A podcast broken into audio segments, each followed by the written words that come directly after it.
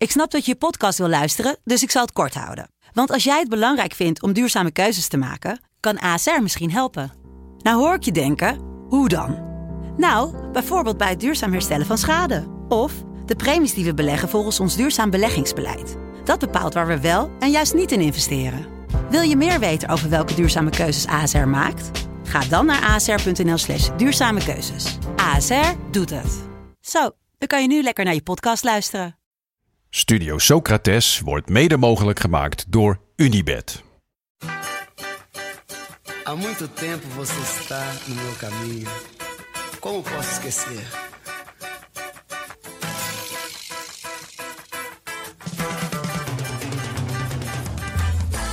Welkom bij de EK-editie van Studio Socrates, waarin we komende weken op zoek gaan naar het Bert Maalderink gevoel. A beleza é você, menina. Menina, no seu jeito de olhar. We zijn in een buitenwijk van Boekarest bij het trainingscomplex van Oekraïne. Welkom in een andere wereld, die van Andrei Shevchenko. Jammer genoeg was Shevchenko voor ons nog niet te spreken. Er zaten alleen spelers achter de persconferentietafel, die voornamelijk Oekraïens spraken. Uh, is it possible to answer in English? I'll try. Okay. Een meevaller. Dit is Taras Shepanenko, 31 jaar verdedigende middenvelder die al in de nationale ploeg zat toen Shevchenko nog medespeler was. En het er nogal losjes aan toe ging in de nationale ploeg. Dat is veranderd. Yes, we have very strict, discipline um, in um, in our life on camp, in in the in the pitch when we play, and it's, it's like uh, he he always wants to win. You know, he always all matches, no no matter what team, he always wants to win. Uh, he does all the Okay, sorry, sorry, it's not an interview, so please, please stop. Tja, het is ook overal hetzelfde en hier misschien nog wel een tikje strikter. Het zal alles te maken hebben met de coach. Maar van het Oekraïense team komt maar weinig naar buiten. Andrei Shevchenko houdt de deur stevig dicht. Letterlijk. Elke dag na de warming-up worden journalisten weggestuurd bij de training zonder veel gezien te hebben.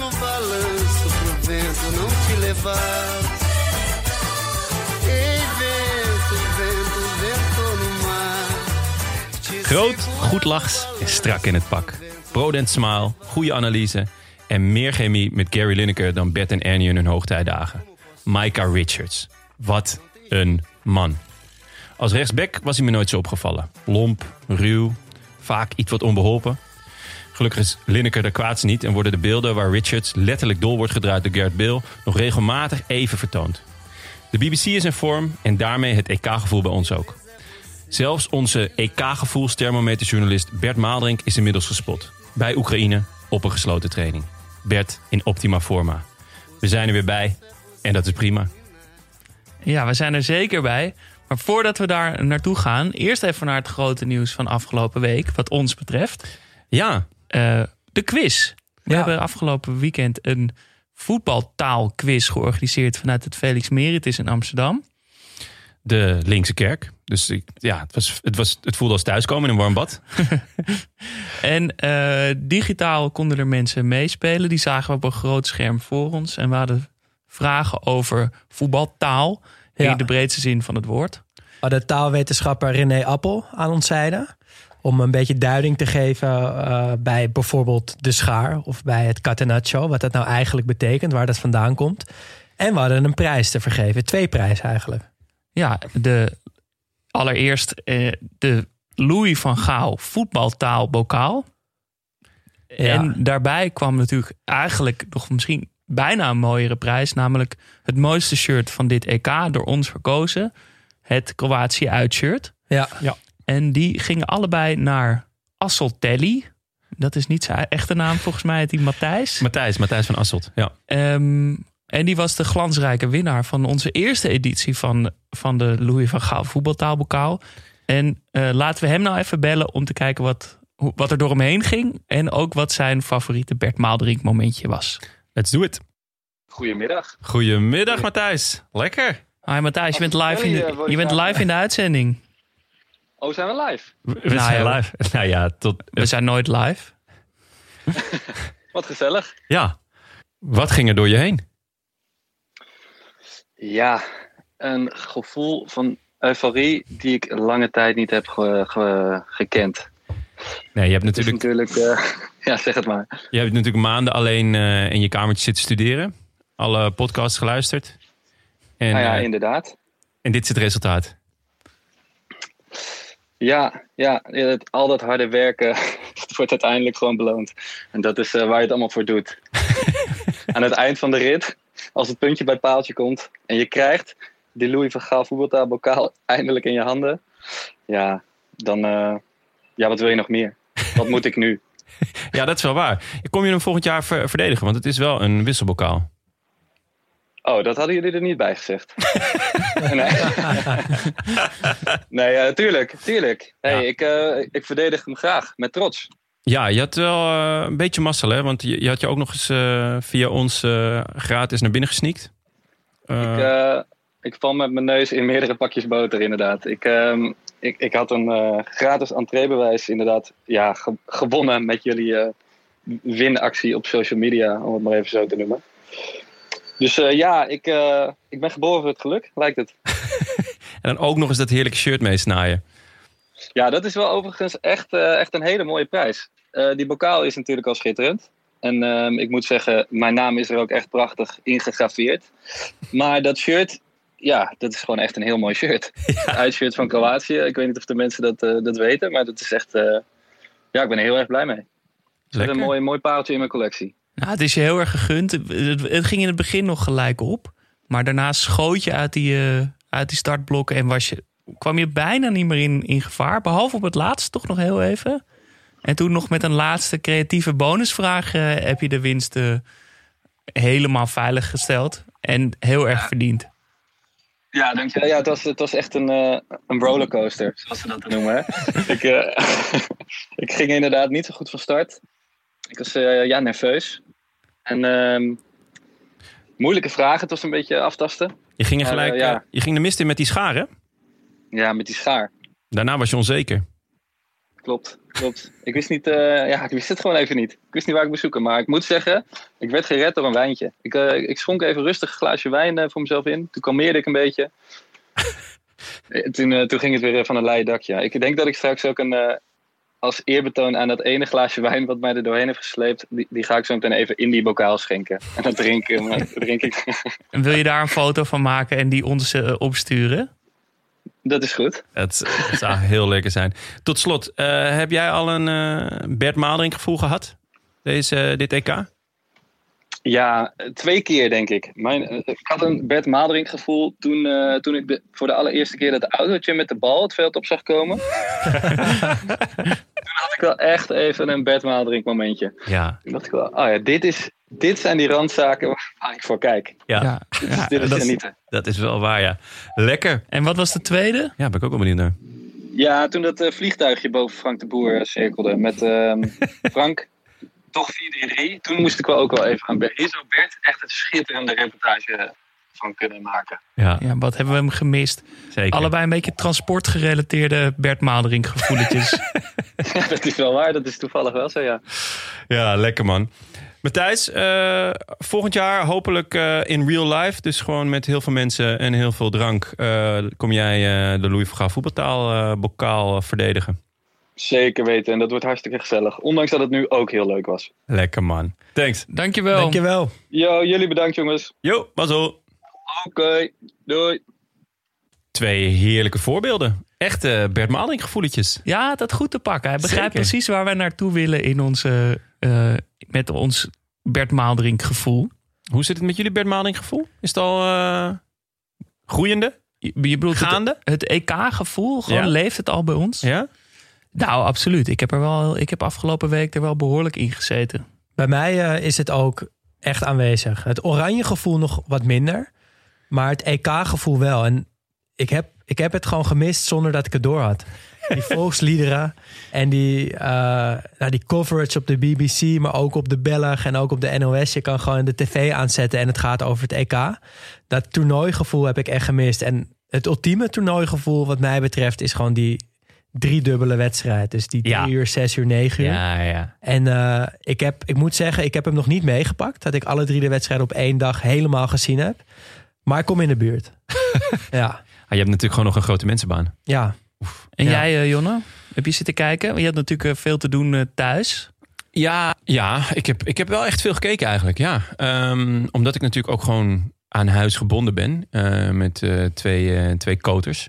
Natuurlijk, die ene is dol enthousiast en die wil ook continu naar buiten en zo. Maar ehm, over het algemeen heb, pak ik wel veel mee. En inderdaad, wat jij zegt, dat, dat je gewoon om, op maandag of dinsdag of woensdag... Ja, vandaag toevallig niet, dat viel me Nee, een beetje vandaag tegen. niet. Morgen wel weer. Ja, inderdaad. Maar dat je gewoon is op, dan op vandaag. Vandaag dus eigenlijk. Ja. Ja, we nemen dit op, op dinsdag op. Nee, dus ehm, op het moment dat je gewoon op maandagmiddag om drie uur de tv aan kan zetten... en dat er dan gewoon een voetbalwedstrijd is. Ja, en die helemaal dat ik dat ook nog ergens om gaat. tegen mijn vriend kan zeggen... nee, ja, ik moet echt kijken voor, ja, voor mijn werk. Het is mijn werk, ja, dat is een heerlijke. Dat is een heerlijk, want anders zou ik er misschien niet mee wegkomen. Ja, dus eh, bij jou ook al... eh, Ja, EK, zeker. Ik heb het heel erg, eh, heel erg zitten kijken. En voordat we erop ingaan over onze momenten die dit toernooi zo mooi maken, wilde ik eerst wat zeggen over het EK in zijn algemeen. Wat me, het voelt, maar dat klinkt misschien een beetje sentimenteel, maar daar is het EK misschien ook wel naar. Ik vind het echt een, eh, een EK met een enorme verbondenheid. Dat komt natuurlijk misschien ook omdat het in alle landen gespeeld wordt. Het is ook echt een stukje van iedereen. Eh, natuurlijk het voorval met Eriksen heeft natuurlijk er veel, eh, veel voor Ja. gezorgd. En, en op een of andere manier, de pers was heel zelfkritisch na dat incident van Eriksen. Maar ook naar hun harde aanpak van het Nederlands elftal, wat achteraf dus heel erg meeviel. Ehm, op, op de tribunes werd ge- feliciteerde fans elkaar naar mooie doelpunten bij, eh, bij Nederland, Ja. Oekraïne. Eh, de Finse en Deense fans natuurlijk waren ontzettend amicaal. Dat is misschien ook wel iets logischer. Er werd geknield voor Black Lives Matter. Dat werd overschreeuwd door, door boegeroep. Maar dat boegeroep werd daarna nog harder overschreeuwd door gejuich. Ja. Ehm, eigenlijk de enige beetje vreemde eend in de bijt was Arnautovic met, eh, met Ja. verschrikkelijke gebaren. Wat dat nou precies inhoudt, dat, dat weet ik nou ook niet precies. Daar heb ik niet genoeg verstand van. Maar dat gekkie, Alaba hem meteen bij zijn kop pakt en hem met een blik in zijn oog van ja, houd je bek. Eh, Ja. Zorgde weer voor een enorme verbondenheid, vond ik. dus dat, dat voelt, eh, vind ik echt goed. En de pers vind ik ook ontzettend over het algemeen dan ontzettend prettig en eh, zelfkritisch en verbonden. En eh, Ja. eh, ja. Ja, ik, ik, ehm, ik was een beetje eh huiverachtig van tevoren van hoe gaat het nou werken dat het, dat het overal in Europa is. Maar ik moet zeggen dat het niet, ja, het is niet eh, eh, storend of zoiets. En het is ook best wel grappig, want het was natuurlijk gewoon in de arena. En ik fietste, eh, nou, iets voor de wedstrijd, fietste ik naar huis over de Sarfati-straat. en ineens eh, zie ik bij, eh, het, bij het hotel zie ik, allemaal mensen staan. Ik denk, wat, wat is daar gaan? Dat was de Oekraïense bus met Ah, ja. alle spelers. Daar Toen heb je nog even je middelvinger opgestoken. Ja, ik heb wel eventjes... Naar de heb hel even met verbondenheid. Het is dat nieuwe hotel daar, toch? Ja, dit gele. Ja, daar staat, Bayern München sliep daar geloof ik ook. eh, of een andere Europese ploeg tegen wie Ajax een keer speelde. Ah ja. Volgens mij moet je daar zijn als je je helden wilt ontmoeten. Ja? Ah, vet. Ja. mooi hotel hoor. Ehm, we gaan even naar de, de inzendingen van de luisteraars van het Bert Maaldrink gevoel. Eh, we hebben jullie natuurlijk allemaal opgeroepen jullie favoriete Bert Maaldrink momentjes op te sturen. Maar misschien zijn wij niet duidelijk genoeg geweest. Dus ik denk goed om nog even nog een keer te benadrukken wat we bedoelen met die Bert Maaldrink gevoeletjes. Want dat is dus niet letterlijk Bert Maaldrink's stem. Alhoewel dat natuurlijk wel... Het is wel het ultieme. Het is wel het ultieme, maar dat roept een bepaald gevoel van, van EK-toernooi, koorts op. Ja. Eh, en hij weet dat te doen door van hele kleine details iets heel groots te maken. En in de kantlijn iets, iets heel van, van niets iets te maken. En die details die zoeken wij. Dus niet per se de Bert Maalderink analyses of eh, reportages, maar meer de, de momentjes, de hele Ja. kleine details in de kantlijn die zorgen voor een groot euforisch EK-gevoel. Ah, ik vond dat eh, die van Asseltelli met het autootje en die bal. Dat, is, die was wel. nou, dat eh, is precies waar wij op doelen. Precies. Yes. Wat eh, werd ingestuurd, Daan? Ja, we kregen ehm, een inzending binnen van Casper Lemmen. En die had het over de reportage van de ochtend na de gewonnen wedstrijd. En dan vooral de wheelie van Gini Wijnaldum.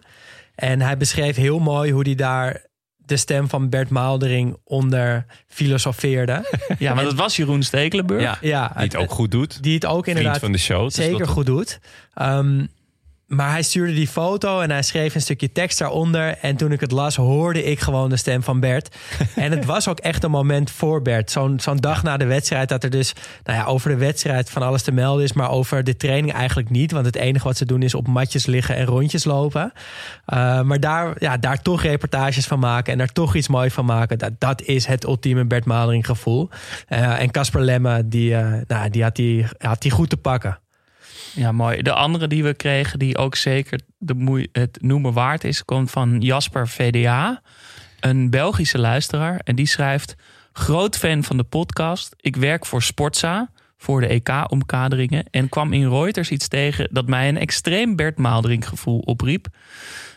Ukrainian fanzone offers free beer for every goal Russia concedes.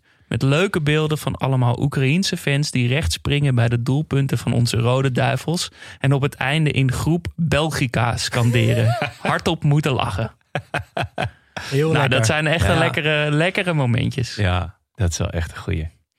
Ehm, laten we dan over naar onze eigen. Wat ons is opgevallen, welke details. Jonne. Ja, eh, Tom Slegberts in een linnen overhemd. Ik denk eigenlijk, eh, hij heeft geen verdere uitleg nodig, toch? Ik heb die ook gezien, ja. En hij heeft natuurlijk wel vaker een linnen overhemd aan als hij wat voor de NOS doet. Maar ik weet niet of jij dit specifieke moment bedoelt. Maar op een gegeven moment werd er geschakeld vanuit de studio naar Tom. En die stond voor de arena. Ja. Het beeld was nog heel ver. Dus je zag een klein mannetje met daarachter die enorme ufo wat de arena is. En er werd steeds iets verder ingezoomd. En uiteindelijk stond Tom daar dus met een, inderdaad een linnen overhemd en zo'n donkere Ray-Ban zonnebril. En dat was inderdaad wel echt dat moment van... Ja. nu krijg ik zoveel zin in die wedstrijd. Klopt, ja. Dat was voor mij ook echt het moment dat die knop omging. Ja. Ja, die Reben maakte het ook af. Goud. Dus, ehm, en ja, net al benoemd, voetbal op maandagmiddag. En laten we wel wezen, het was Tsjechië-Schotland. Dat is niet per se een wedstrijd waarvoor je denkt van, nou, daar ga ik voor zitten. Nee, maar toch ook wel weer zo'n wedstrijd. Maar het is zo lekker dat hij er om- was. die wil je wel om drie uur zien. Gewoon even Ja. rustig erin komen. Gewoon even lekker erin Twee komen. teams die je niet zo goed kent. En misschien, Maar- misschien een eerste rozeetje opentrekken. En kijken waar het schip strandt. Tuurlijk. En het pakt er goed uit, hè? Ja. Ah, zeker. Ja. Nee, maar het maakt ook niet uit wie er speelt. Het Wales, eh, wat was het? Wales, Zwitserland. Ja. Eh, dat is alsnog gewoon omdat het EK is. Ja, gewoon het, het broeit. Ja, zeker. En dan maakt het zelfs niet eens meer uit dat, dat de beste nummers drie doorgaan. Dat interesseert me dan zelfs al nee, niet eens toch? meer. Dan ik ook alle ja. kritiek op het Nederlandse elftal het verwatert meteen. Omdat het gewoon... Toch, we, gaan, we spelen toch we- gewoon een EK. We denken daar gewoon niet aan. We denken alleen aan, aan het gevoel wat jij nu zo mooi oproept. Je hebt een hele lijst met... ja, ik heb, eh, ik heb er de hele week zitten bijhouden natuurlijk wat me allemaal opviel. Hoef het niet allemaal eh, te, te behandelen hoor. Maar, ik zie er wel een paar hele mooie tussen staan. Ja. Ja, nou, ik, zat, ik, had dus, ik zit natuurlijk gewoon nu heel veel te kijken. Omdat ik dat wil, maar ook of- vanwege de podcast. Er viel me op, er is een. eh, ik zit ook alle filmpjes van Follow the Wave te kijken. Oh. Dat zijn de inside filmpjes van het Nederlands elftal. Iets te slikke mediacampagne Ja. van, eh, van het Nederlands elftal. Ja, maar ik vind het ook wel. Het is toch wel aardig en het is toch leuk om te zien hoe, hoe het er een beetje aan toe gaat, hoe het eruit ziet allemaal. En één moment viel mij ontzettend op. Dat had ik echt niet verwacht. Was is een training en ehm, de spelers moeten door een soort parcoursje heen rennen. En eh, ze hebben, het zijn twee spelers die rennen een identiek parcoursje. En dan wie het eerste daardoorheen is van die twee, die, die wint dan. Er werd veel gelachen en veel competitie. Ze moesten door paaltjes heen rennen en over door een ladder heen en zo, dat soort dingen. En eh, Blind nam het op tegen Denzel Dumfries. De, de rechtsback die afgelopen wedstrijd de hele rechterkant heeft bestierd. Ja, En Blind, die er niet echt, eh, ja, niet echt onbekend staat om een rappe verdediger te zijn. Maar die won. Echt? Ja. Ik vond het een. ver- Het, was een, het duurt een paar seconden, dat moment. Maar ik vond het toch eh, verbazingwekkend. Als je, als je op tijd vertrekt, dan kom je nooit te laat natuurlijk. Uiteraard. En Blind heeft het zelf ook gezegd. Hè? Jullie beginnen allemaal de hele tijd over mijn snelheid. Maar ik kan me niet herinneren dat ik er ooit echt uitgesprint ben. Zoiets zei hij. Iets in die, iets in die trant. Ja, nou, Ja. dat bewijst dit maar eens. Ehm, Blind gaan we het zo eh, meteen wel over hebben, toch?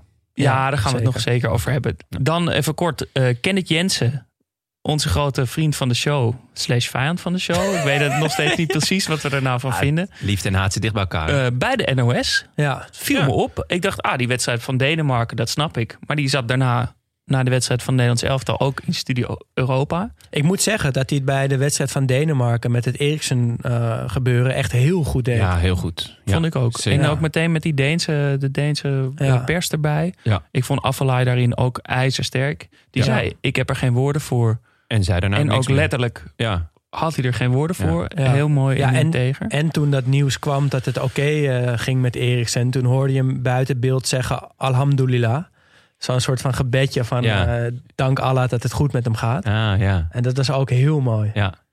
Eh, dan hebben we Lukaku, viel natuurlijk op. Maar het detail wat mij daarin pakte was natuurlijk eerst die, die, dat overleg met Henri aan de zijlijn. Wat natuurlijk al een schitterend Oh, beeld was. Ja. Die twee koppen bij elkaar.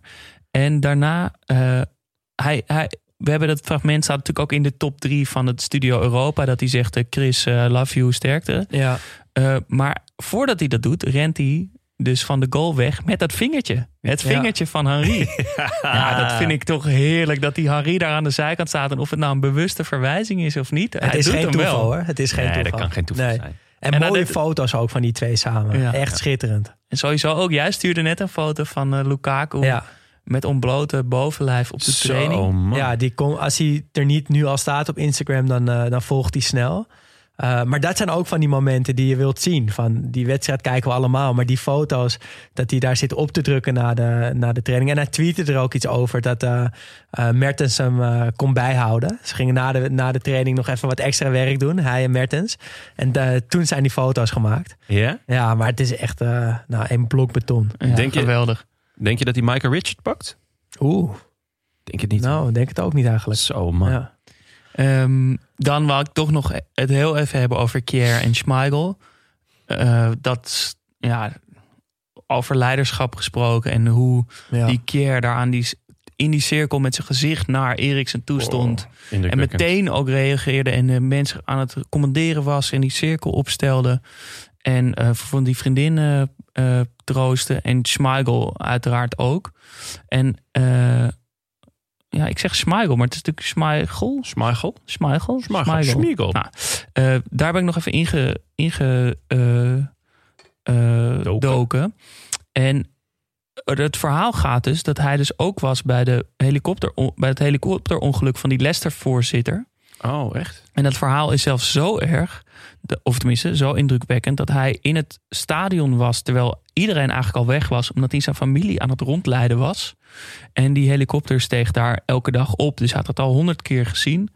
En terwijl die helikopter opsteeg, en keek zag hij dat uit zijn ooghoeken. En zag hij dat er iets mis was met die helikopter. Ik weet niet helemaal wat er dan was, maar het viel een beetje stil of zo. En hij is toen naar die helikopter gaan rennen. En was dus als een van de eerste ter plekke bij die brandende helikopter. En heeft dus meneer, eh ja, ik Vichai ga het zeggen, Vichai. Srivadana Parad- Prada Mooi. voor zijn ogen in die brandende helikopter gezien. Wow. En heeft hem maar geprobeerd uit te trekken. En is dit Wat Michael uiteraard- senior of Nee, junior? junior. Oh, wauw. Ehm, dus dat is, moet een Ja. gruwelijke aanblik zijn geweest. Ja. En dat je dan nu weer zo cool en zo... Ja, het was, ik vond het echt Mooi, eh, indrukwekkend ja. hoe, eh, hoe zij dat allemaal deden op het veld. En Ja. de, die dokter zeiden toch ook later van als er niet zo snel zo goed was gehandeld, dan was het echt anders afgelopen. Ja. Ehm, en dan, eh, ja, ook een van. Laten we dan snel door met nog meer mooie Bert Maaldering momentjes.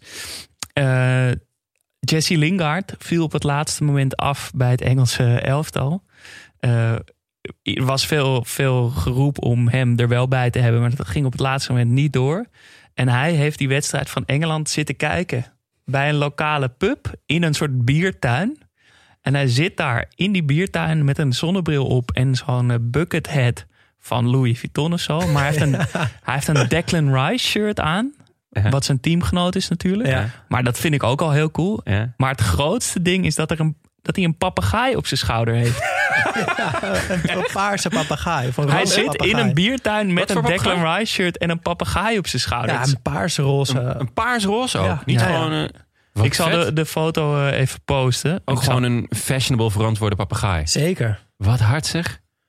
Ja, ik Ah. zal hem je even laten zien nu, nu we het erover hebben. ja, swag. Gewoon echt eindeloos veel swag. Ja, het is niet helemaal duidelijk wat, eh, eh, of de papegaai van hem is of van de biertuin, maar dat maakt ook niet zoveel uit. Nee, ja. Kan jou het En- schelen. Als laatste vind ik het een, eh, ook een toernooi van jong en oud. We hadden, hebben natuurlijk Stekelenburg als een stokoude doelman. De ancien van de groep. Ja, Ronaldo, als van die nu speelt, is de eerste speler die op vijf EK's actief is. En ook alle, topscorer aller tijden kan worden van het EK. Nu staat hij nog gedeeld eerste topscorer met eh, Platini. Allebei negen goals. Ja. Maar we hebben aan de andere kant ook eh, Bellingham. De jongste speler ooit op een EK met zijn 17 jaar. De moeder van Bellingham is 35 jaar oud. Is ze lekker? Dat, dat durf ik niet te zeggen. Maar wij hadden dus al een volwassen zoon op eh, kunnen hebben die nu op het EK zou spelen. Ja. Nou goed. Dat Ronaldo waren- trouwens eh, gaat na zijn carrière niet aan de slag bij Coca-Cola. Nee, Dat, ook eh, een grappig moment. Ja, ik vond het wel opvallend wat hij deed. Ja, Eventjes Ja. die colaflesjes weg en zeggen, nou, watertje. alleen water. Ja, heel wel, vet. Wel vet, ja. Ja. Tot zover mijn, eh, mijn momenten. Ja, ik had eh, ook een heel mooi momentje gevonden. Ehm, ik eh, volg Italië, zo- zoals jullie weten. En eh, dat betekent dat ik dus ook heel veel op de socials van de Azzurri kijk. En die zijn heel actief. Dus je ziet constant beelden van de training, van eh, interviews, van andere mooie momenten. Ehm, maar vanochtend was daar de lancering van het eh, Museo del Calcio de Coverciano op social media. Uh, en dat is het Italiaanse voetbalmuseum. En live uh, op Instagram ging een uh, Italiaanse presentator gaf een rondleiding door dat museum. En dat was al echt te gek. Maar toen ben ik later nog even gaan kijken op, ja, op, op die website van wat is dat dan voor museum en ja, waar dan in Italië en wat hangt er allemaal. Nou, het is, staat dus in Florence en nou, er zijn echt schitterende, schitterende dingen te bezichtigen. Ik, ik zag de Diadora-bal van het WK 1990.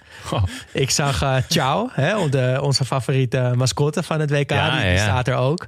Uh, heel veel oude vaantjes, heel veel schitterende oude posters van WK's en EK's. En er hangt ook al wat recent. Want het shirt van uh, Jorginho is er naartoe gebracht. Die die aan tegen Turkije. Oh, vet. En het vaantje van Turkije hangt inmiddels ook in het museum. Dat is wel echt snel. Ja, dat is heel snel gegaan.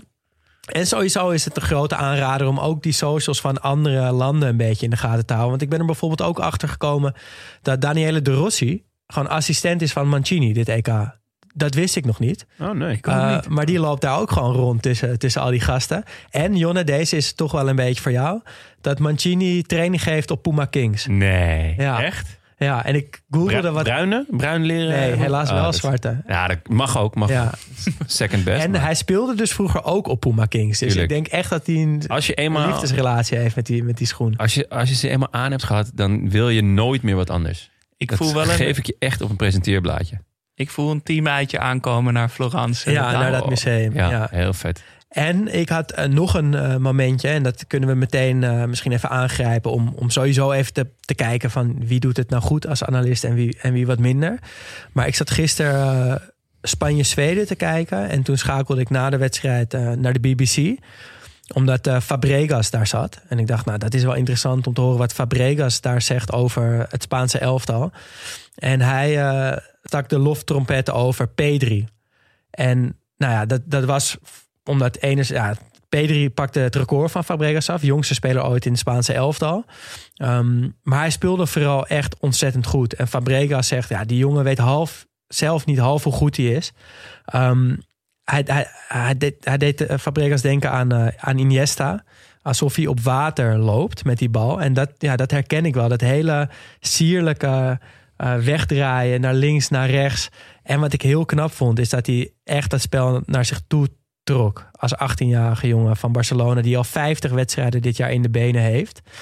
Um, ja, en dan de manier waarop de, waarop de BBC dat analyseerde Ja, met Fabregas is- in de ja. studio. Ja. Dat vond- echt te gek. Ja, ik vond Fabregas, zeg ik eigenlijk altijd, maar dat, dat uh, Dat geheel vol- terzijde. zou goed kunnen. Ehm, ik ben Italië-specialist. Ja. ik vond hem gek genoeg dus een beetje uit de toon vallen. Ja? Ja, eh, niet zozeer qua inhoud, maar wel qua, ehm, qua gekkigheid. Of tenminste, ehm, wat, wat ik, zoals ik Michael Richard eh, eh, beschreef of aanhaalde net. ehm, die sfeer bij de BBC, waarin ze elkaar dus ook eh, continu een beetje aan het dolle zijn en aan het geiten. Dus ook met veel humor. Die, die miste ik een beetje bij Fabregas. Wat helemaal niet erg is, maar ik vond hem een beetje saai. Ja. Dus da- daardoor vond ik het moeilijk. Ik vind dat wel een hele dunne lijn hoor. Want, wa- want ik, moet, ik ben het helemaal met je eens dat het bij de BBC qua humor echt te gek is. Alleen volgens mij is dat alleen leuk omdat je tegelijkertijd echt een soort van urgentie proeft. Dat Ja, zij ja. hun vak wel goed willen uitoefenen. Zeker. Nee, ik Want vind, ik vind Raf, analyse. want Snijder en Van der Vaart bijvoorbeeld, die zitten ook heel veel grapjes te maken. Maar ik moet zeggen, dat, dat pakt mij niet echt. Want die zitten echt alleen maar te lollen. ja. En als die dan een analyse moeten geven, dan komt er weinig zin uit. En dat vind ik juist zo goed van de BBC. Daar Zeker. zit en die urgentie in. En vervolgens zitten ze, zich, zitten ze elkaar de hele tijd te plagen. Ja, nee, daarom. Dus, maar, dus ik, ik had bij Fabregas wel de. Ik vond de analyse vet. Alleen ik, ik had zoiets van. Ja, eh, vind je het wel gezellig? heb, je het wel, heb je het wel naar je zin? Misschien toch nog een kleine taalbarrière of zo. Ja, misschien. Dat zou kunnen, ja. Ja, dat zou natuurlijk kunnen. Gezonde spanning. Nou, Ja. we kunnen het misschien sowieso heel even over de... Of ben jij eh, uitgepraat ja, over ja, dit? Ja, ik had deze twee momenten. kunnen we het misschien heel even over de verslaggeving hebben. Want ik wilde daar wel iets over kwijt. Want het is natuurlijk makkelijk om te zeggen dat we het in Nederland niet zo goed doen als de BBC. En volgens mij moeten we ook niet dat na willen doen. Moeten we dat gewoon, gewoon zoals de NOS dat doet. En dat is eigenlijk altijd heel erg prima. Moeten we dat gewoon op onze eigen manier doen. Los van dat de BBC inderdaad fenomenaal het fenomenaal goed doet. Maar het was gewoon, ik vond het gewoon niet scherp van de NOS. De insteek ging namelijk volgens mij al helemaal verkeerd. Is dat ze. Maar dit het was gaat voor, om, voor Nederland-Oekraïne bedoel je? Of überhaupt? ja, überhaupt. Maar het gaat heel erg bij Nederland over meningen. Ja. Toch? Ja. eh, van Hooijdonk en Van der Vaart zitten daar om te. En die zeggen alleen. Ja. eh, Dit ik is de- niet goed. Dit zijn, ze hebben twee redelijke spelers. En eh, ik denk dus dat het daarom zo. En eh, ja, ik vond het een beetje zo. Maar het punt is toch om ons uit te gaan leggen wat we moet, waar we op moeten letten. Wat de context voor die wedstrijd is. Die speler is dit en dat. Die is sowieso. Ze gaan zo spelen. Daarom is het belangrijk dat dit gebeurt. Met beelden erbij. Bij de BBC, om het dan toch een beetje te vergelijken, waren er beelden van het clubvoetbal van bepaalde spelers. Om te laten zien op Ja. wat voor manier die Klopt. spelen. Helemaal en dat is zo'n andere Het- insteek dan het, het mening geven erover. Dat is, is- op dat moment, vlak voor zo'n wedstrijd, helemaal niet zo interessant, vind Ja, oké, maar dat is eigenlijk niks nieuws. Want het, dat is bij de NOS, dat is bijvoorbeeld Studio Voetbal, dat is altijd mening op mening op mening. Ja, oké, maar dat zit is niet rondom een met- wedstrijd. Met, nou ja, wel, want het is zondagavond en bij Match of the Day doen ze dat wel. Je kan altijd gewoon die beelden bijpakken. Er is trouwens één positieve uitzondering en dat is Leone Stendler. Ja, dat is Die- de enige maar- die, die de beelden er ook bij Klopt, pakt. maar dat lijkt dus een beetje een soort van rolverdeling te zijn. Van oké, jij doet altijd met de beelden. Eh, en dan de rest gaat meningen geven. Wat ik niet helemaal begrijp. Maar Ehm, want waarom zou de rest niet beelden erbij kunnen pakken? Ik vind dat zij dat trouwens erg goed doet. Want zij geeft wel aan van oké, hier staan ze nu op, op, eh, op één lijn met z'n vijven. Dan komt de ruimte daar. Ik, ik heb daar best van genoten. Ja, ik vond ook dat ze achteraf eh, gisteren of zo een goede analyse gaf Ja, van die wedstrijd van. Nederland. Maar toch, ik, ik zou willen dat, dat, we, dat we wat meer aangereikt krijgen als voetbalkijkers. Ja. Eh, van let hierop, die speler is sowieso. Je hebt een jaar om je erop voorbereiden. Je Ja. weet precies welke tegenstanders gaan komen. Lees je in. Er werden namen verkeerd gezegd. De spelers speelden bij clubs wat niet klopte. Ja. Eh, sowieso had Frank Snoeks het eerst een hele lange tijd over de trainingsbroek van eh, Stekelenburg. Die dacht dat hij net als die Hongaarse doelman Kirali nog zo'n grijze trainingsbroek aan had. Pas na, in de, na een kwartier spelen zei hij: Oh, nee, hij heeft gewoon zijn kousen heel lang. Had sowieso lang over het gevoel in de wedstrijd. Ja. Eh, wat Ja. ook heel erg mening gedreven is. Er waren veel foutjes, veel versprekingen, veel slordigheden. En ik dacht, jongens, come on. We, zijn, Ja, we, pak we het zitten er klaar voor. We, Ja. we hebben een jaar lang hier naar uitgekeken. Of langer zelfs. Zeven jaar. Eh, zeven jaar. Eh, wees Ja, een beetje scherp. Maar, Klopt, dat, maar die dat- miste ik totaal. Dat wordt dan wel weer opgehaald met, met die fantastische bijdrages van Leo Blokhuis. Die gewoon een half uur lang over... Ik, ik denk, ik schakel in om gewoon een analyse van die wedstrijd te krijgen. Vervolgens krijg ik gewoon een half uur lang een, een of andere boomer die, eh, die, die over, over, over weet ik wat voor liedje aan het praten is. Ja, Over- maar dat is het Studio Europa gedeelte wel, toch? Ik vind Ja. het prima als Ja, daar ja. wat meer eh, opvulling is. Ja? Wat meer meningen. Maar tijdens die wedstrijd hebben we toch gewoon... Come on, wees een beetje scherp. toch? Zij spelen maar- toch ook een EK? En, maar ik moet ook zeggen, we, eh, Leon Stendler vonden jullie dan eh, een positieve uitzondering. Ik vind Afalai tot heel sterk. En dat had hij al, eh, die weg had hij al ingezet bij Studio Voetbal afgelopen Absoluut. seizoen. Maar dat trekt hij echt door. Die, Ja. die- ik zit echt te genieten van Afalai. Klopt, hij neemt geen blad voor de mond. Eh, hij durft eh, gewoon te zeggen waar het op staat. Maar hij heeft ook humor. Ja. Af en toe wel clichématige humor. Maar dat, ja, daar is natuurlijk Dat is ook niks- grappig. Ja, dat is ook gewoon wel geestig. Ehm, maar nee, ja, ik, eh, er er mag absoluut wel... Ja, ik zou gewoon veel meer met beelden gaan werken als ik de NOS was. Want je hebt die rechten. Eh, je hebt eh, eh, ook de techniek. Want Leon Stenter doet het wel. Dus waarom zou je het niet doen als analist? Laat gewoon zien waar de ruimtes liggen. Laat zien waar, waar de kwetsbaarheden liggen. Laat zien wa- wat er goed gaat, maar ook wat er niet goed gaat. Want je, je, hebt, je hebt al je argumenten liggen. Ja, en breng daarbij de kijker in een soort van hogere sfeer. Dat, Ja. dat we echt zin krijgen in die wedstrijden. En nog laatste vraag, jongens. Willen we meer of minder Frank Lammers? Eh, iets Minder, minder, minder, als minder. Nou ja, ja, wat moet, dat is toch ook lastig van. Ik vond die Evi Hansen ook een pijnlijke rol spelen tussen Van der Vaart en Snijder. Nou, ik ja, vond- dat was ik- gewoon ongelukkig ik vond- gekozen ook. Klopt, ik vond dat überhaupt heel ongemakkelijk. Ja. Want zij zaten eigenlijk een beetje haar te fokken. Van je weet, je begrijpt er niks van. Maar ja, goed, dan moet je haar niet uitnodigen. Ja, maar, de- ja, Maar- ik heb het gewoon het idee dat Studio eh, Sport en de NOS een beetje is ingedut en het op automatisme deden. Terwijl, Nou, laat dit een... eh, Tandje erbij. Ja, laat Ik dit vind een het wel prettig zijn. nog om met de positieve noot te eindigen. Dat het zoveel verschillende mensen zijn. ja, Ja, oh, nee, Dus, dat vind ik ook eh, leuk. Weet je wel, dus, dus er is een grote pool aan mensen. Want er zijn toch EK's en WK's geweest...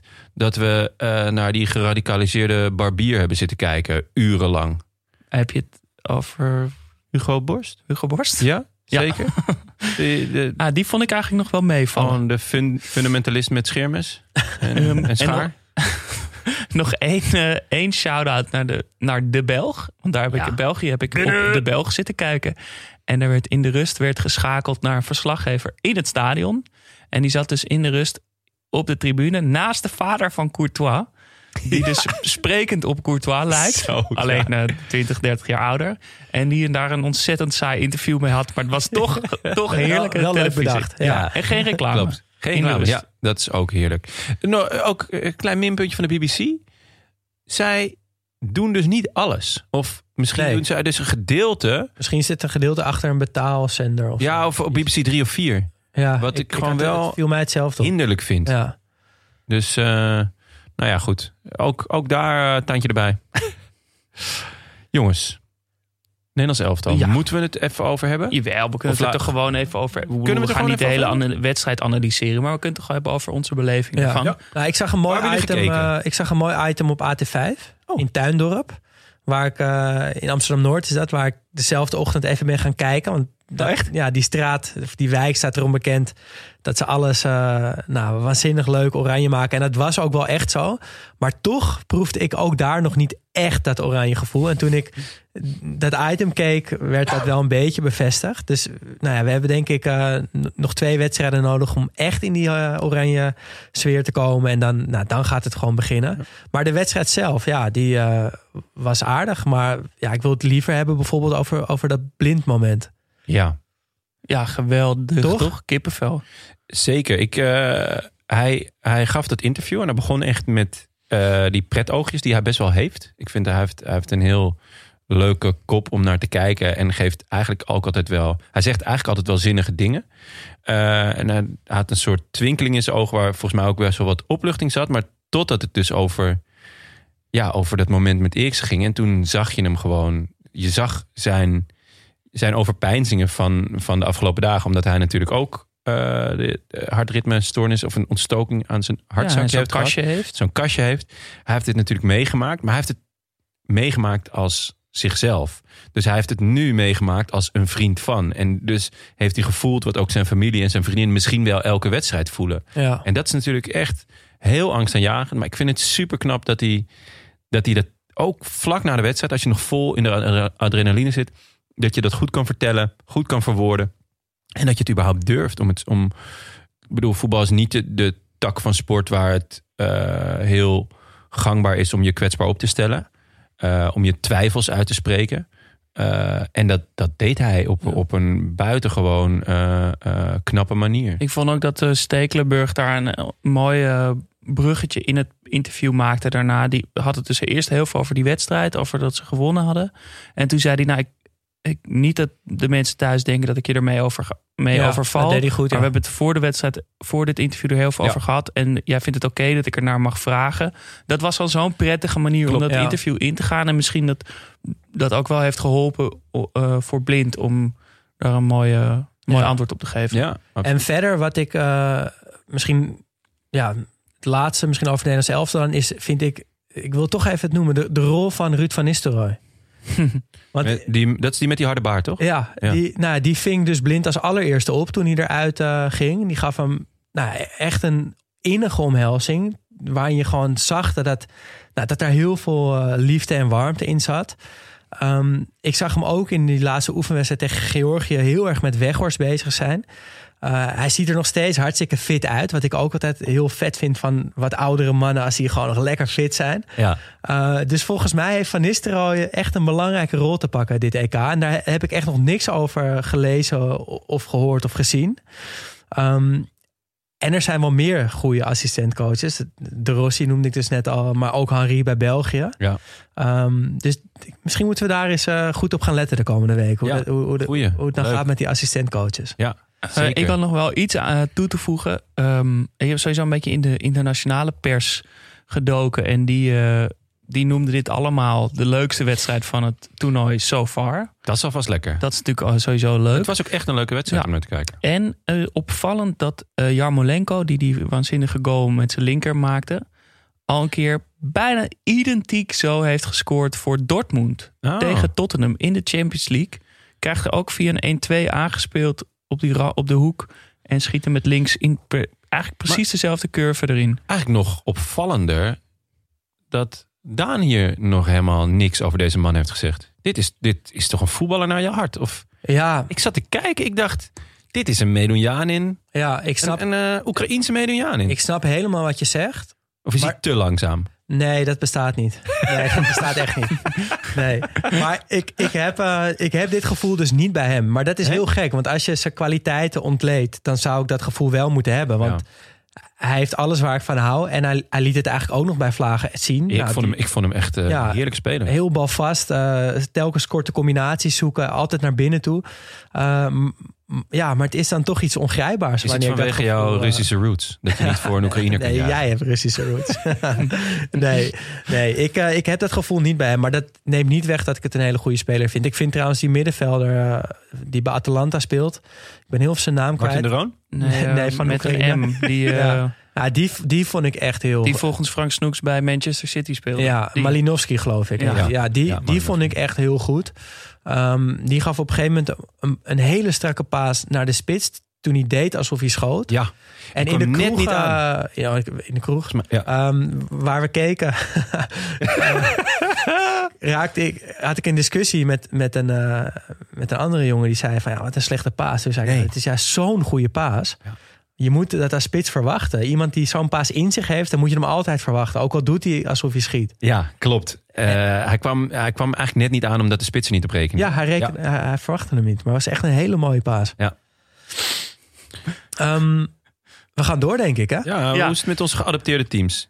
Die van mij heeft nog niet gespeeld, dus dat is een beetje... Die kunnen we lekker kort houden. Ja, dat is een beetje flauw. Maar vanavond gaan jullie zien waarom ik de jongens vertrouwen heb gegeven. Ja? Ja. Oh, Oké. Nou, laten we dan even over Italië hebben, Daan. Ja, nou, ik ben echt. eh, ik, ik was al heel enthousiast en ik ben nog veel enthousiaster geworden. Dat begon natuurlijk met het volkslied. Nou, die beelden heeft denk ik iedereen gezien. Eh, die elf, elf mannen die echt uit volle borst meezingen. Eh, je ziet gewoon dat het ze kracht geeft. Eh, en als kijker ja, is dat ook echt geweldig om te zien. En de wedstrijd zelf. Ja, ik, ik hoorde hier en daar dat het een saaie wedstrijd was en dat Turkije zo slecht was. Maar ik vond het eigenlijk een hele leuke wedstrijd. En ik vond vooral Italië gewoon echt heel goed. Eh, ze voetbalden. Ja, ik vond het een beetje lijken op, op wat Man City doet. Dus heel gecontroleerd en heel uh, geconcentreerd met, met korte passes tot een aanval komen. In, mijn ogen voetbal van de hoogste moeilijkheidsgraad. Um, maar normaal als je zo aanvallend speelt, geef je ook kansen weg. En dat vond ik nog opmerkelijker eigenlijk. Ze hebben 90 minuten lang aangevallen en eigenlijk een halve kans weggegeven. Dat moment met Yilmaz dat Chiellini uh, die bal nog wegtikt en dan ook zo juicht. Ja, ja, als het 3-0 voor staan en het de laatste minuut was. Ja. Um, en daarbij gevaarlijk uit standaard situaties, wat ook op een toernooi vaak belangrijk is. En nog een mooie bank om te brengen. Bellotti, Bernardeschi, uh, Raspadori, Ferrati die er weer aankomt. Nou, de bank was ook letterlijk schitterend natuurlijk, met die pakken. Ja. Uh, maar ik vind dat we ook wel een kritische noot mogen kraken richting Puma, toch? Die shirts. Die ja. shirt. Ja, dat is echt. Italië is toch wel Ja, echt. ja. echt en dan valt die van oog. Italië misschien nog wel mee zelfs. Maar die vind die van Oostenrijk en van Zwitserland. Ja, die hebben hetzelfde echt- model. Ja, Allemaal maar dan nog hetzelfde. lulliger. En ik, ik ben er dus even ingedoken. En eh, Puma die heeft dus eh, de lijn Crafted by Culture gemaakt. En dus er is over nagedacht. En dan denk ik, Heel lang. Heel lang. En dan, eh, ze hadden ook allemaal eh, argumenten erbij. Bij elke eh, van deze teams die we nu noemen. Van nou ja, dit en dit. En daarom is het dit shirt geworden. En dan zie je het shirt. En het zijn gewoon drie of vier zelfs. Want er is nog een team. Identieke shirts. Ja. Alleen misschien dat, dat het logootje net centraal op de borst staat. Of links op de borst. Maar het, het lijkt wel een soort trainingsshirt. Italië moet echt van Puma af. Me helemaal mee eens. Spelen Puma King. Helemaal top. Ja. Maar eh, de outfit echt dramatisch. Ja, het was dramatisch. Ehm, Maar goed, jij was nog midden Ja. in je, in je nee, voetbalanalyse. maar heel goed dat je dit wel even zegt hoor. Want dit, Ja. dit Ja. ontzettend belangrijk. Ja, Het ging- het neemt het echt ook- iets van de glans van het team Ja, af. dat vind ik dus ook. Echt Stel waar. dat ze in hele mooie blauwe kappa-shirts Ja. wa- waren aangetreden. Ja, of Nou, Diadora. Ik hoop terug dus, Diadora. ja, Diadora of Ja. eh Rea of Lotto zou ik Ja. zeggen. Ik hoop dus dat ze op een gegeven moment, dat Italië, want Italië is natuurlijk altijd vooruitstrevend, dat ze op een gegeven moment gewoon in overhemd gaan voetballen. dat, ze, dat ze dus gewoon een soort stof ontwikkelen. dat dan het gewoon een overhemd. Dat zou toch echt schitterend zijn. Van Armani. Ja, dan gewoon Armani op en ga. Lekker Ja, de eerste stap is gezet met die pakken. Dan sta je toch gewoon al 1 of voor. Als je, je gewoon in die, in die tunnel staat. Je ziet gewoon naast je gewoon 11 man in overhemd. In, ja, in lakleren kiksen. Maar goed, we waren bij de bank van Italië. Ehm, ja, maar het- vervolgens wil ik toch weer even terug naar de basis. Want ik had van tevoren natuurlijk eh, eh, in onze voorbeschouwingsaflevering eh, de focus heel erg gelegd op Berardi en Locatelli. Dus nou, heb, heb ik met heel veel eh, interesse gevolgd. En Berardi stond dus toch wel vrij verrassend in de basis. Eh, kreeg de eh, voorkeur boven Chiesa van de Juve. Eh, ja, linksbuiten, dus rechterpoten, geëvalueerde Medunjanin. Speelt bij Sassuolo. Speelt bij Sassuolo. En ik moet zeggen, hij was vrij slordig. Ehm, maar hij liet wel precies zien waarom ik zo van hem hou. De hele tijd aan de binnenkant de bal vragen. eh, constant vooruit proberen te voetballen. Meteen in, in de eerste vijf minuten had hij een hele mooie 1-2 met Insigne... waar een kans uitkwam. En hij is gewoon bij alle drie de goals betrokken geweest. Ja. Eh, die 1-0, dat hij buiten omgaat... en dat Demiral zijn voorzet tot doelpunt promoveert. De tweede, eh, dat hij die bal geeft op Spinazzola... die op goal schiet, waar een goal uitvalt. En bij die derde schiet die keeper hem verkeerd uit. Eh, maar maakt hij daarna ook weer de juiste keuze aan de bal. Het is wel een beetje een gekkie, of niet? Ja, het is, het is eh, ja, een beetje een... Hij voetbalt al, dus al heel lang bij Sassuolo. Ja. En dat heel- komt door zijn, beetje door zijn, doordat het een beetje een gekkie is, of niet? Ja, een beetje, nou, een soort bad boy volgens mij Ja. ook weer niet, maar wel, het zit erin wel een beetje tegenaan. Ja. En nou, hij is natuurlijk ontzettend flegmatiek, wat ook deze wedstrijd dus wel duidelijk werd. Want er heel veel balverlies, maar tegelijkertijd heel veel mooie dingen. Ehm, maar ik denk wel dat hij blijft staan in ieder geval. Dus we kunnen meer van hem eh, gaan genieten. En- Milan eh, schijnt interesse te hebben, Ja. AC. Ja. Dus eh, Ja, maar ook wel vet als hij bij Sassuolo blijft. ja, hij heeft gewoon 17 goals gemaakt afgelopen Ja. seizoen. Wat een waanzin, hè? Ja. Ja. het was de eerste keer dat hij zo productief was. Want dat, dat schortte er altijd een beetje aan. Maar dat, dat is dus nu ook veranderd. En daarom is hij ook mee. Locatelli, dus ook van Sassuolo, speelde ook heel goed. Vooral bij de eerste goal gaf hij echt een hele mooie paas op Barella. Eigenlijk een pre-assist, een bal die alles openbrak. Ehm speelde een goede wedstrijd verder, niet heel opvallend, maar was wel, eh, ja, was wel gewoon goed. En het wordt wel interessant als Ferrati er straks ook nog bij komt. Ja. Ah, de Eh, beste wat, er, wat er dan gaat gebeuren. de, degene waar ik het meest van heb genoten was eh, Spinazzola. Ja, Hij deed me Ja. een beetje denken aan, aan Laam in zijn beste dagen. ja. ja het is toch heel bijzonder dat hij met rechts op links staat. Als En- linksback. Ja, en dat Insigne ook als buitenspeler met rechts uh, Ja, op links staat. Dat ze allebei dus die automatisch naar binnen gaan. Ja. Maar ik vond dus heel vet, want vaak bij dat soort spelers gaan ze dan dus ook altijd naar binnen. Maar hij ging dus best vaak ja, hij ging ook naar buiten. Ja. naar buiten en dan maar naar zijn zwakke linker. Maar daarmee krijg je natuurlijk gewoon wel, de, de, dat, gaat, dat gaat je zoveel opleveren de volgende keer. Ja. Want anders word je zo voorspelbaar. ja. Dan moet je echt heel goed zijn à la Robben als je elke keer datzelfde trucje wil, wil flikken. Maar ik heb echt genoten Ja, ik vond hem ook heel goed. Hij hopen dat hij fit blijft, want dat is zijn enige probleem dat hij heel blessuregevoelig is. Ehm, maar het was, ik vond het echt een, eh, heerlijk om naar te kijken. En ik denk nog steeds dat het, eh, dat het de Europees kampioen is. Ehm, laatste wat ik nog even wil zeggen over Italië is dat ik las ook een heel mooi stuk in de New York Times. Die een beetje eh, ging uitdiepen van ja, hoe Italië nou opeens zo leuk is geworden. De titel van het artikel was Italy's latest innovation, dubbele punt, fun. en de kern van het verhaal was eigenlijk dat Italië altijd gefocust is geweest op het nu. We moeten nu resultaten hebben. We moeten nu de wedstrijd winnen. Uh, en dat zorgde ervoor dat het altijd heel, nou, ja, het Catenaccio eigenlijk, Ja. heel verdedigend voetballen met vrij oude, ervaren spelers die dat ook kunnen spelen. Uh, maar toen ze zich niet kwalificeerden voor het WK in 2018, uh, ja, toen is Mancini aangesteld. En die heeft de boel echt hervormd. Die heeft mensen neergezet op hele belangrijke plekken binnen de bond. Die bezig zijn uh, geweest met het ontwikkelen van een soort van nieuwe voetbalvisie. Kijken naar de toekomst in plaats van kijken naar het nu. Heel veel jonge spelers de kans gegeven. Mancini heeft volgens mij 35 spelers laten debuteren. Uh, heeft een trainingskamp belegd met de onder 20, onder 21 en het eerste. Om te laten zien van oké, okay, jullie maken echt kans op een uh, plek in de selectie. Um, en dat was echt nodig. Want uh, ja, Italië zat een beetje in zak en as. En nu opeens is het heel Ja. fris, uitdagend en leuk om naar te kijken. Ja. Echt, uh, echt te gek. Ik ben nog steeds groot fan. Lekker. Mooi. Engeland. Ja, ik moet meteen mezelf ver verontschuldigen, want ik heb de wedstrijd niet gezien. Ja. Wij waren de nou, quiz nou, aan het, nou. uh, aan het uh, presenteren. Dus ja, dat, dat, ging op dat moment echt voor. Maar ik heb alles teruggekeken. Klasse, dat is klasse. Ik heb alle, de voorbeschouwingen en de nabeschouwingen en alle BBC uh, heerlijkheid eromheen heb ik allemaal gezien. Dus geen zorgen. Maar heel diep op de wedstrijd kan ik niet ingaan. Want een, een wedstrijd terugkijken terwijl je weet wat er gaat gebeuren, ja. is, is niet te doen. Nee. Dat lukte me niet. Dus Nee. ik heb gewoon de, de samenvatting gezien. ja, Ehm, gelijk heb je. maar het sentiment in Engeland is dat er eigenlijk verrassend weinig aan de hand is. Ze zijn zo gewend aan eh, gedoe om zo'n EK heen. Er zijn altijd spelers die zich misdragen of een relletje of dit. En dat komt misschien ook door die tabloids dat er altijd wat te vinden is. Maar Southgate heeft het ontzettend onder controle. Dus ze kijken elkaar allemaal een beetje aan van... Ja, dat gaat eigenlijk heel goed. Ja. Eigenlijk heel rustig. Uh, best wel volwassen spel. Veel lof voor uh, Southgate. Want op eerste gezicht vonden ze het een rare opstelling met Trippier op links. Ja. Terwijl ze toch uh, uitstekende linksbacks hebben. Ja, maar hij heeft toch iets van vijf rechtsbacks geselecteerd. Dan moet je ze ook opstellen. Ja, maar je, je hebt ook Shaw en, um, Chilwell. en Chilwell. Ja. Die gewoon de links, uh, linksback zijn. En toch Trippier. Maar dat pakte ontzettend goed uit. Hij was uh, verdedigend veel, heel belangrijk. En Sterling in de basis. Maar dat ja, dat was toch ook wel opvallend. heeft zich ook uitbetaald met die Zeker. goal. Ja. Hij was, uh, was een grote droom, hè?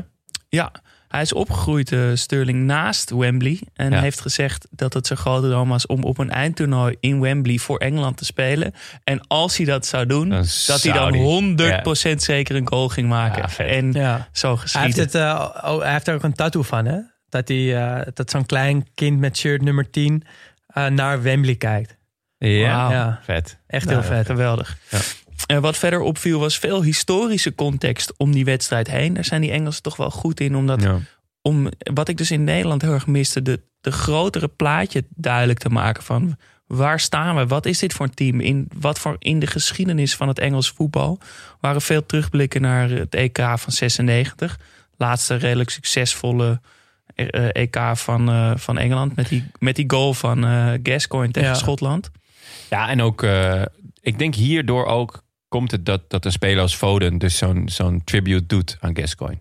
Omdat de, de, het historisch perspectief bij de BBC natuurlijk altijd Ja. eh, rijk aandacht krijgt. Ja.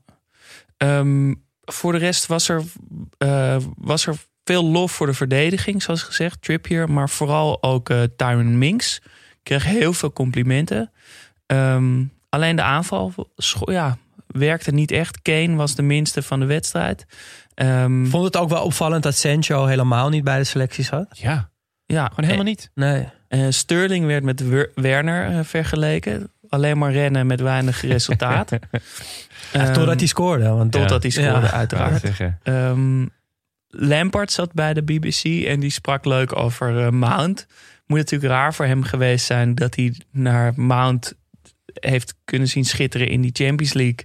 En de winst daarvan, terwijl hij halverwege Ja. of aan, ja, aan het begin Ja. eh, heeft gestaan, maar daarna weggeschaald. Daarover gesproken, ik las dus dat Tsjech ook eh, in het analistenteam van de BBC zit. Maar dat Lampert en Tsjech dus niet tegelijkertijd in een uitzending willen zitten. Omdat Tsjech als eh, directeur van Chelsea Lampert heeft weggestuurd. Oh, pijnlijk. Ja. Nice. Eh, en daarbij komt natuurlijk ook dat, dat eh, Lampert eh, Mount bij Der mee heeft genomen Ja. naar Derby County. En Ja. toen daarna mee heeft genomen naar Chelsea. Dus eh, dat was leuk om hem Zijn protégé. Ja, zijn oogappel. Ja. En ook een beetje een soort zelf. Dus hij vergeleek hem ook een beetje met zichzelf als speler. Dus het klopt natuurlijk niet helemaal, maar het was, was leuk om te zien. Ja. Ehm, er was veel lof ook al voor eh, Rice en met name Phillips. Ik zei Dat vond ik ook heel opvallend. ik, ja, ik, ik zei van tevoren al dat eh, ehm, Henderson een, een- de stoorzender zou kunnen zijn op het middenveld met een beetje wat dat dragen. Maar de verdedigende speel in het middenveld was dus voor eh, Declan Rice en Calvin Phillips. En met name Phillips kreeg ongelooflijk veel lof, was man van de wedstrijd. En daar ben ik een beetje ingedoken in die Calvin Phillips. Want dat was voor mij ook redelijk onverwacht dat hij daar in de basis staan en zo goed was. Ja. Ehm, het is een echte laadbloeier. Hij is geboren en getogen in Leeds. Ehm, Speelt voor Leeds ook, hè? speelt nu Ja. voor Leeds, inderdaad. Heeft Leeds helpen promoveren. En is onder een, eh, Bielsa dus echt uitgegroeid tot deze wereldspeler. Hebben we al eerder eh, een eh, aflevering over gemaakt. Ja, precies. Iedereen aanraden om terug te luisteren. Zijn grote idool was uiteraard Alan Smith. Ah, en er zijn foto's Ja, van ja. hem in dat witte Strongbow Ja, Leeds shirt.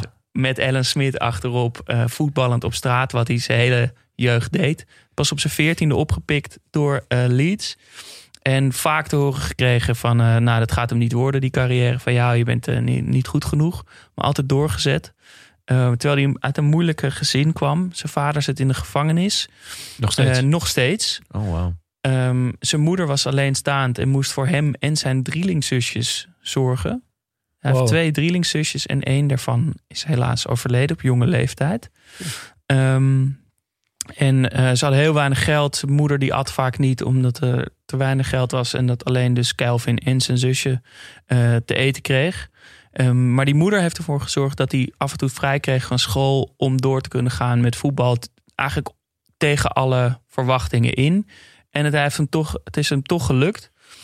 Eh, en sinds Bielsa is hij dus uitgegroeid tot de zogeheten Yorkshire Pirlo. Ja, Zijn goede bijnaam. Heerlijke Eh, bijna. en nu speelt hij dus een wereldpot op Wembley. En er was ook een leuk interview. Want zijn zusje, dat ene drielingzusje, die, eh, die werkt in een gevangenis. Het zal wel iets te maken hebben met het Ja. opgroeien met een vader in de gevangenis. Ja. En die eh, had dan een leuk plagend interview over dat hij zo'n eh, zo'n rustig, eh, mooi, lekker leventje had. en dat zij eh, gewoon keihard in de gevangenis aan het werken Ja. was. Dus dat houdt hem mo- mooi met twee benen op de grond. Wat een heerlijk verhaal. en speelde dus een wereldpot Ja. op, eh, op Wembley en was man of the match. Vet. Een soort van alle, alles wat je wil van je nieuwe publiekslieveling, dit een beetje. Ja. Zo'n beetje, Ja. toch een beetje onbekend. Eh, een volkse jongen. Ja, Ja. echt een laadbloeier. Hij is, Ja. dus van, hij is nu 25 en is vorig jaar pas gepromoveerd naar de Premier League. Awesome. Heel. Gek. Ehm, nog meer spelers die ons zijn opgevallen? Ja, ik wil toch, ik wil het gewoon echt even gezegd hebben. Frenkie de Jong was echt ontzettend goed weer. Ja, ja. Ehm, omdat we het gewend zijn van hem. Ja, hoor je het bijna niet meer Ja. als hij zo goed speelt. Maar hij was echt super goed ja weer. hij was echt Ja, ik goed. wilde er niet zelf over Nee. beginnen, maar ik ben Je- uiteraard je Is mee weer helemaal opgebloeid? Ja, Dat nooit weg geweest natuurlijk. nooit weg geweest. Lekker, lekker. Lukaku natuurlijk. Ja, man. Heel goed. Zeker. Maar wat minder opvallend misschien, maar waar ik echt groot fan van ben, is Yannick Carrasco. Ja, Uh, Atletico Madrid. Die was even zoek omdat hij eh, in China speelde, maar die is weer terug in Europa. Hij is financieel onafhankelijk. Dat zeker. maar dat Uh, kan bij eh, Atletico niet. Ja, dat is waar. Ja, de zes generaties na hem ook nu. Ehm, maar hij speelde, ik vond hem erg goed spelen. En Hazard zit natuurlijk op de bank voor hem eigenlijk. Want ja, hij of Mertens speelt op de positie van Hazard. Ehm, maar ik vond België er ook niet beter worden met Hazard. Dus dat Carrasco uh, dat plekje heeft veroverd, dat vind ik eigenlijk wel terecht. Ja, ze heeft toch echt een dramatisch seizoen achter eh, de rug bij Real Ja. Madrid. Ja, dus ik denk dat het wel goed is voor België dat hij niet Niemand, geen enkele speler van Real Madrid geselecteerd bij Spanje. Nee. Dat is toch ook opvallend? Heel opvallend. Ja. Terwijl hij heeft dus niet gebruik gemaakt van alle spelers. Dus hij heeft er maar 24 mee.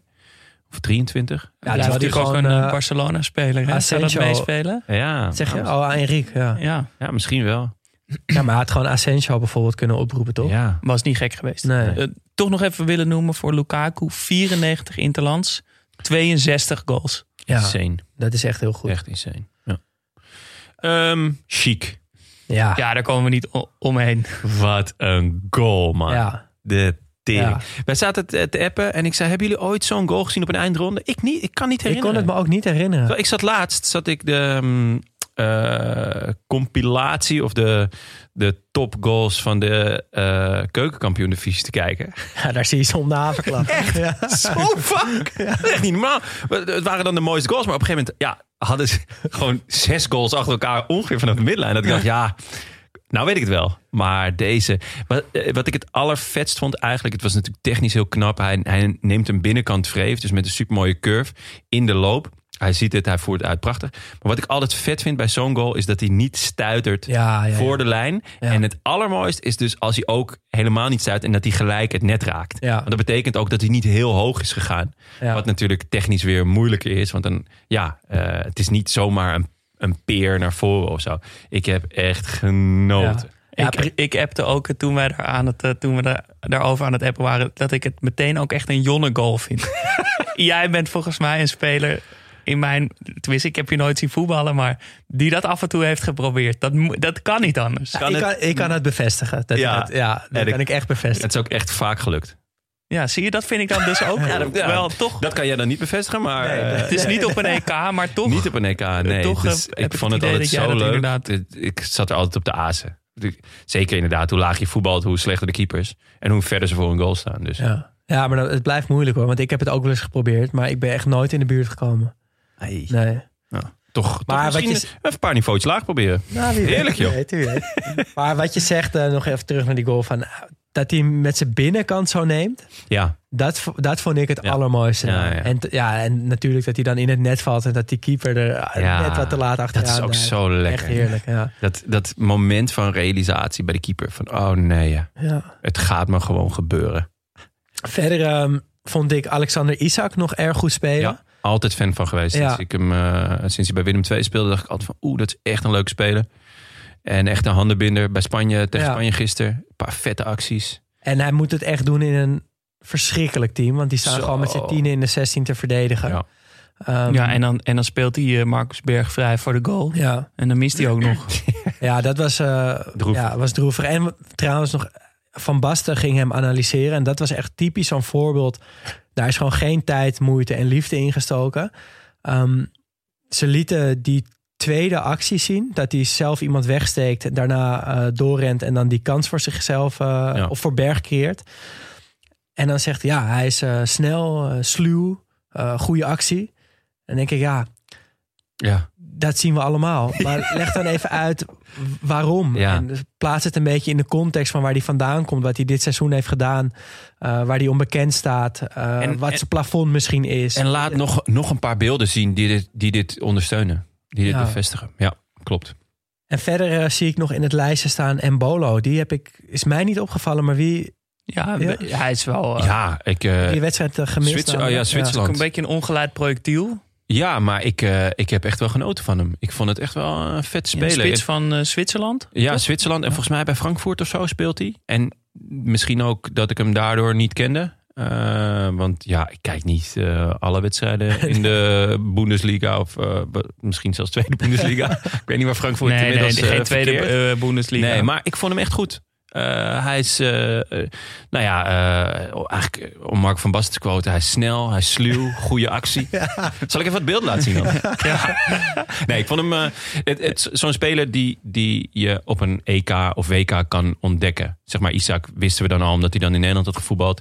En Jarmolenko, een beetje, speelt natuurlijk al wel bij een Ja. grotere club, Lukaku hetzelfde. Maar ja, deze gast dacht ik echt van, oeh ja, vet. Hij geldt wel al lange tijd als groot talent, maar die het nooit waarmaakt. Ook wat blessures gehad, maar moeilijke jongen. Dus veel met randzaken bezig. Social media. fe- fe- Feestjes voor in de geweest. podcast eh, dus. Ja, ik wou net eh, zeggen. Van alles, maar eh, laat het dus... is duidelijk dat hij veel potentie heeft, maar laat het Ja. bij zijn club nooit zien. Maar nu, ja, dat, soms zie je dat toch op zo'n EK inderdaad. Ja. Dat, hij dan, dat het dan opeens wel Ja. eh, samenvalt.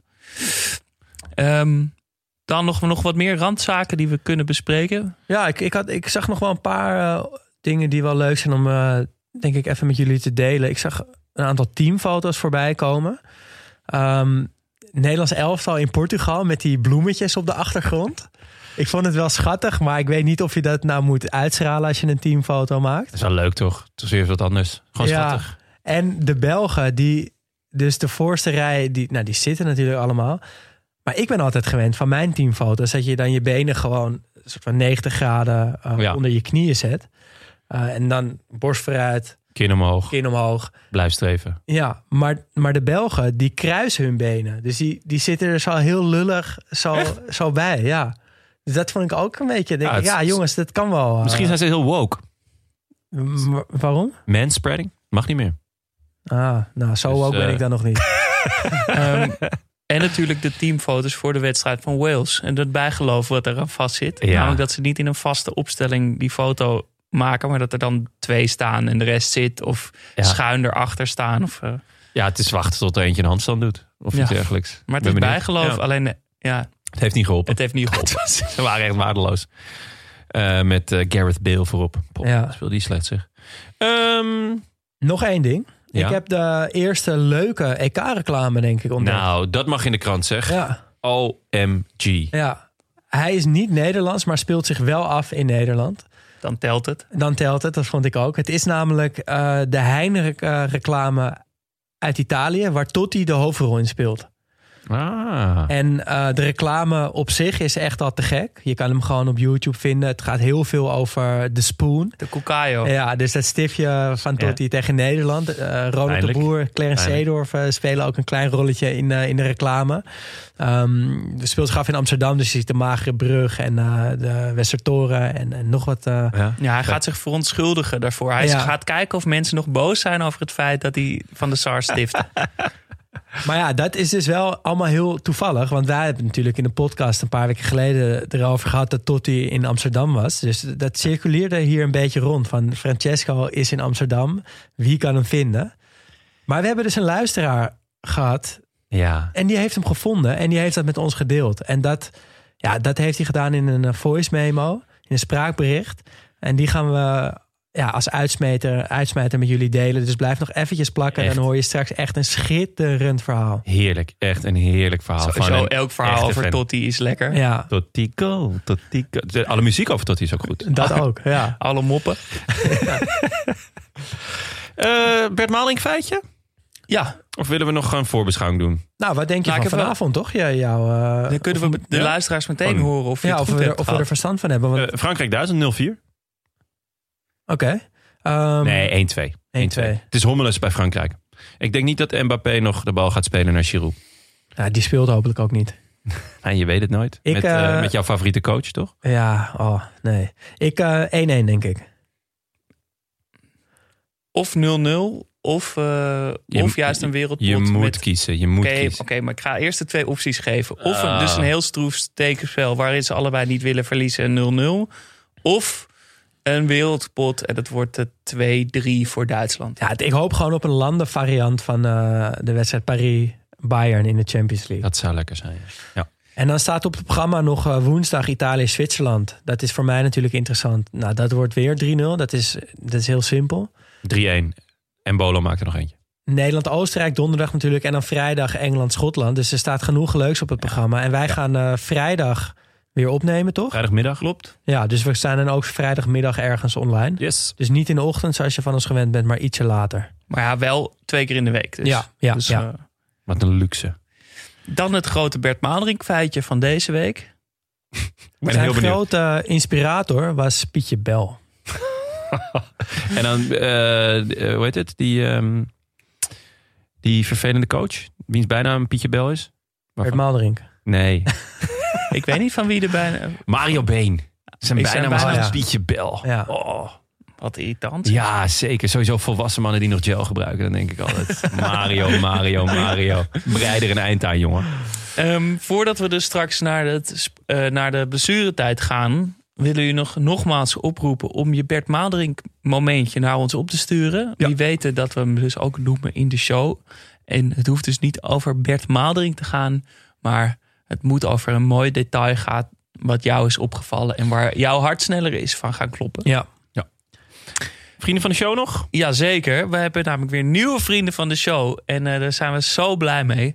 Ehm, en we gaan ze natuurlijk allemaal individueel bedanken. Fons, dankjewel. Sjoerd B. Kirienka. Baptista 14. Die zometeen nog eh, de uitsmijter doet, toch? Ja. Ah, dat is... eh, ja, dat, is, dat is, eh, dat is de, de, de, de Totti. eh, de, de Totti Lover. Ja. Maar toch Baptista 14. Nou goed. ja. Eh, Dio, Jesse de Boer, Denise, Thomas van Nielen, Tanta Cara. Ah, die dat kennen is wij, hè? volgens mij mijn tante. Ja. En Stevens, goede vriendin van de moeder van eh, Daan. Ja, Dat meen je niet. ja, die waren van de week samen. En mijn moeder zei, oh, ik ga haar overtuigen om eh, vriend van de show. Oh, wat goed. Het is gelukt. Nou, tante Cara, dank je wel daarvoor. Heel lief. Eh, snarf, snarf. Toch, toch. snap, dat is jouw tante, toch? Zeker, eh, ja. Jonne? ja, ja dat, is, dat is niet eens een bijnaam. Dat is, dat is echt wel heel opvallend. Maar, En eh, de Maldini van de Koel. Ja, wie zal dat zijn eigenlijk? de Maldini van de Cool. Ehm, De Cool, dat is VVV? Ja? Ja, dat kan niet Roel Jansen zijn, want dat is al... eh, Eh, dat is de mensen van de Vinkelhof. Ja, eh, ze ze hadden ze niet eh, die Japanner die nu bij... eh, nee, die nu bij nee, die, Southampton staat, speelt. Honda. Yoshida. Yoshida. Is dat niet de Maldini van de Cool? Nou, dat zou ik opmerkelijk vinden. Nou, eh, stuur, het, stuur het in als je weet wie de Maldini van de Koel is. Maar stuur vooral je eh, Bert Ja. gevoeletje naar ons op. Ik ben ook wel benieuwd naar of mensen zullen dat weten. noemen. Ja. Ehm, u luisterde naar Studio Socrates, gepresenteerd door Daan Storius, Jonne Seriese en mezelf, Jasper Gottlieb. Vond je het leuk? Abonneer je dan en laat een 5 sterren review achter, zodat we makkelijker te vinden zijn. Maar belangrijker nog, vind je het leuk dat we dit EK 2 in plaats van één aflevering per week gaan maken? Steun ons dan en word vriend van de show. Dat kan via vriendvandeshow.nl slash Studio Socrates. En van elke nieuwe vriend worden we nog steeds heel, heel, heel blij. Beetje zoals vroeger op Hives. Weet je ook dat heel blij. Ja, echt. Porren. Porren. Heb je nog een vraag of een verbetering? Sluit dan in onze DM op Instagram, studio laagstreepje Socrates. Of stuur een spraakbericht, dat vinden we het allerleukste, Ja. via vriendvandeshow.nl slash studio Socrates. En de vetste spraakberichten, het liefst over jouw Bert Maalderink gevoel natuurlijk, maken kans om in blessuretijd afgespeeld te worden. En dan kan je dus zo luisteren naar het verhaal van eh, Julius Groenendaal slash Baptista 14 over Totti.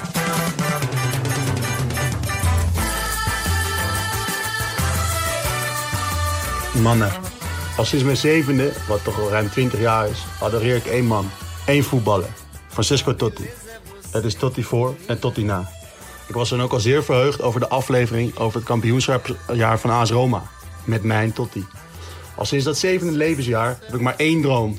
En dat is de beste man ontmoeten. En dit is gebeurd. Jullie haalden zijn bezoek in Amsterdam al aan in de aflevering over Tsjechië 2004. Maar mede door mijn droom gaat 26 mei 2021, de dag van zijn bezoek, denk ik wel de geschiedenisboeken in als de mooiste dag uit mijn leven. Ik zal het verhaal wat kort houden, want ik kan er eindeloos over doorlullen. Maar hij was hier, in Amsterdam, voor de shoot van een reclame voor een niet nader te noemen groot Nederlands biermerk. Ik werd getipt door een vriend, ben op een fiets gesprongen en hij was daar.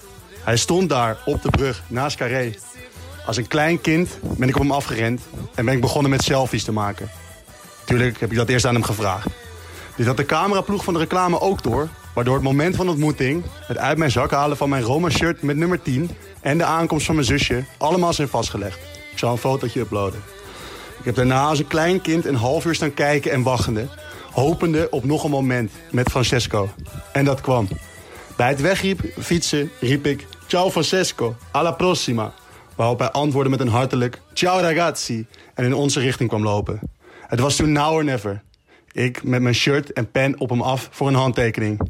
Op het moment dat hij wil, die wilde zetten, kwam als een geschenk uit de hemel een bewaker aan met een marker. Hij zette zijn handtekening, overigens weer op beeld van de cameraploeg, zette zijn handtekening weer op mijn shirt en stelde een aantal vragen in het Italiaans over de cuccaio, oftewel het stiftje waarmee Nederland pijn heeft gedaan in de halve finale van het EK 2000. Goethe zei ooit, nadat hij Napels had gezien, Vedi Napoli e poi mori, oftewel Napels zien en sterven. Ik zou het toch liever houden op Vedi Totti, poi mori. Ik kon hier dit niet onthouden, jongens. Het shirt wordt ingelijst en ik krijg natuurlijk een zeer prominente plek. Maar ik ken ook jullie liefde voor de man, de voetballer Francesco Totti. Ga alsjeblieft door met de podcast, boys. Want het is elke keer weer genieten. Alla prossima.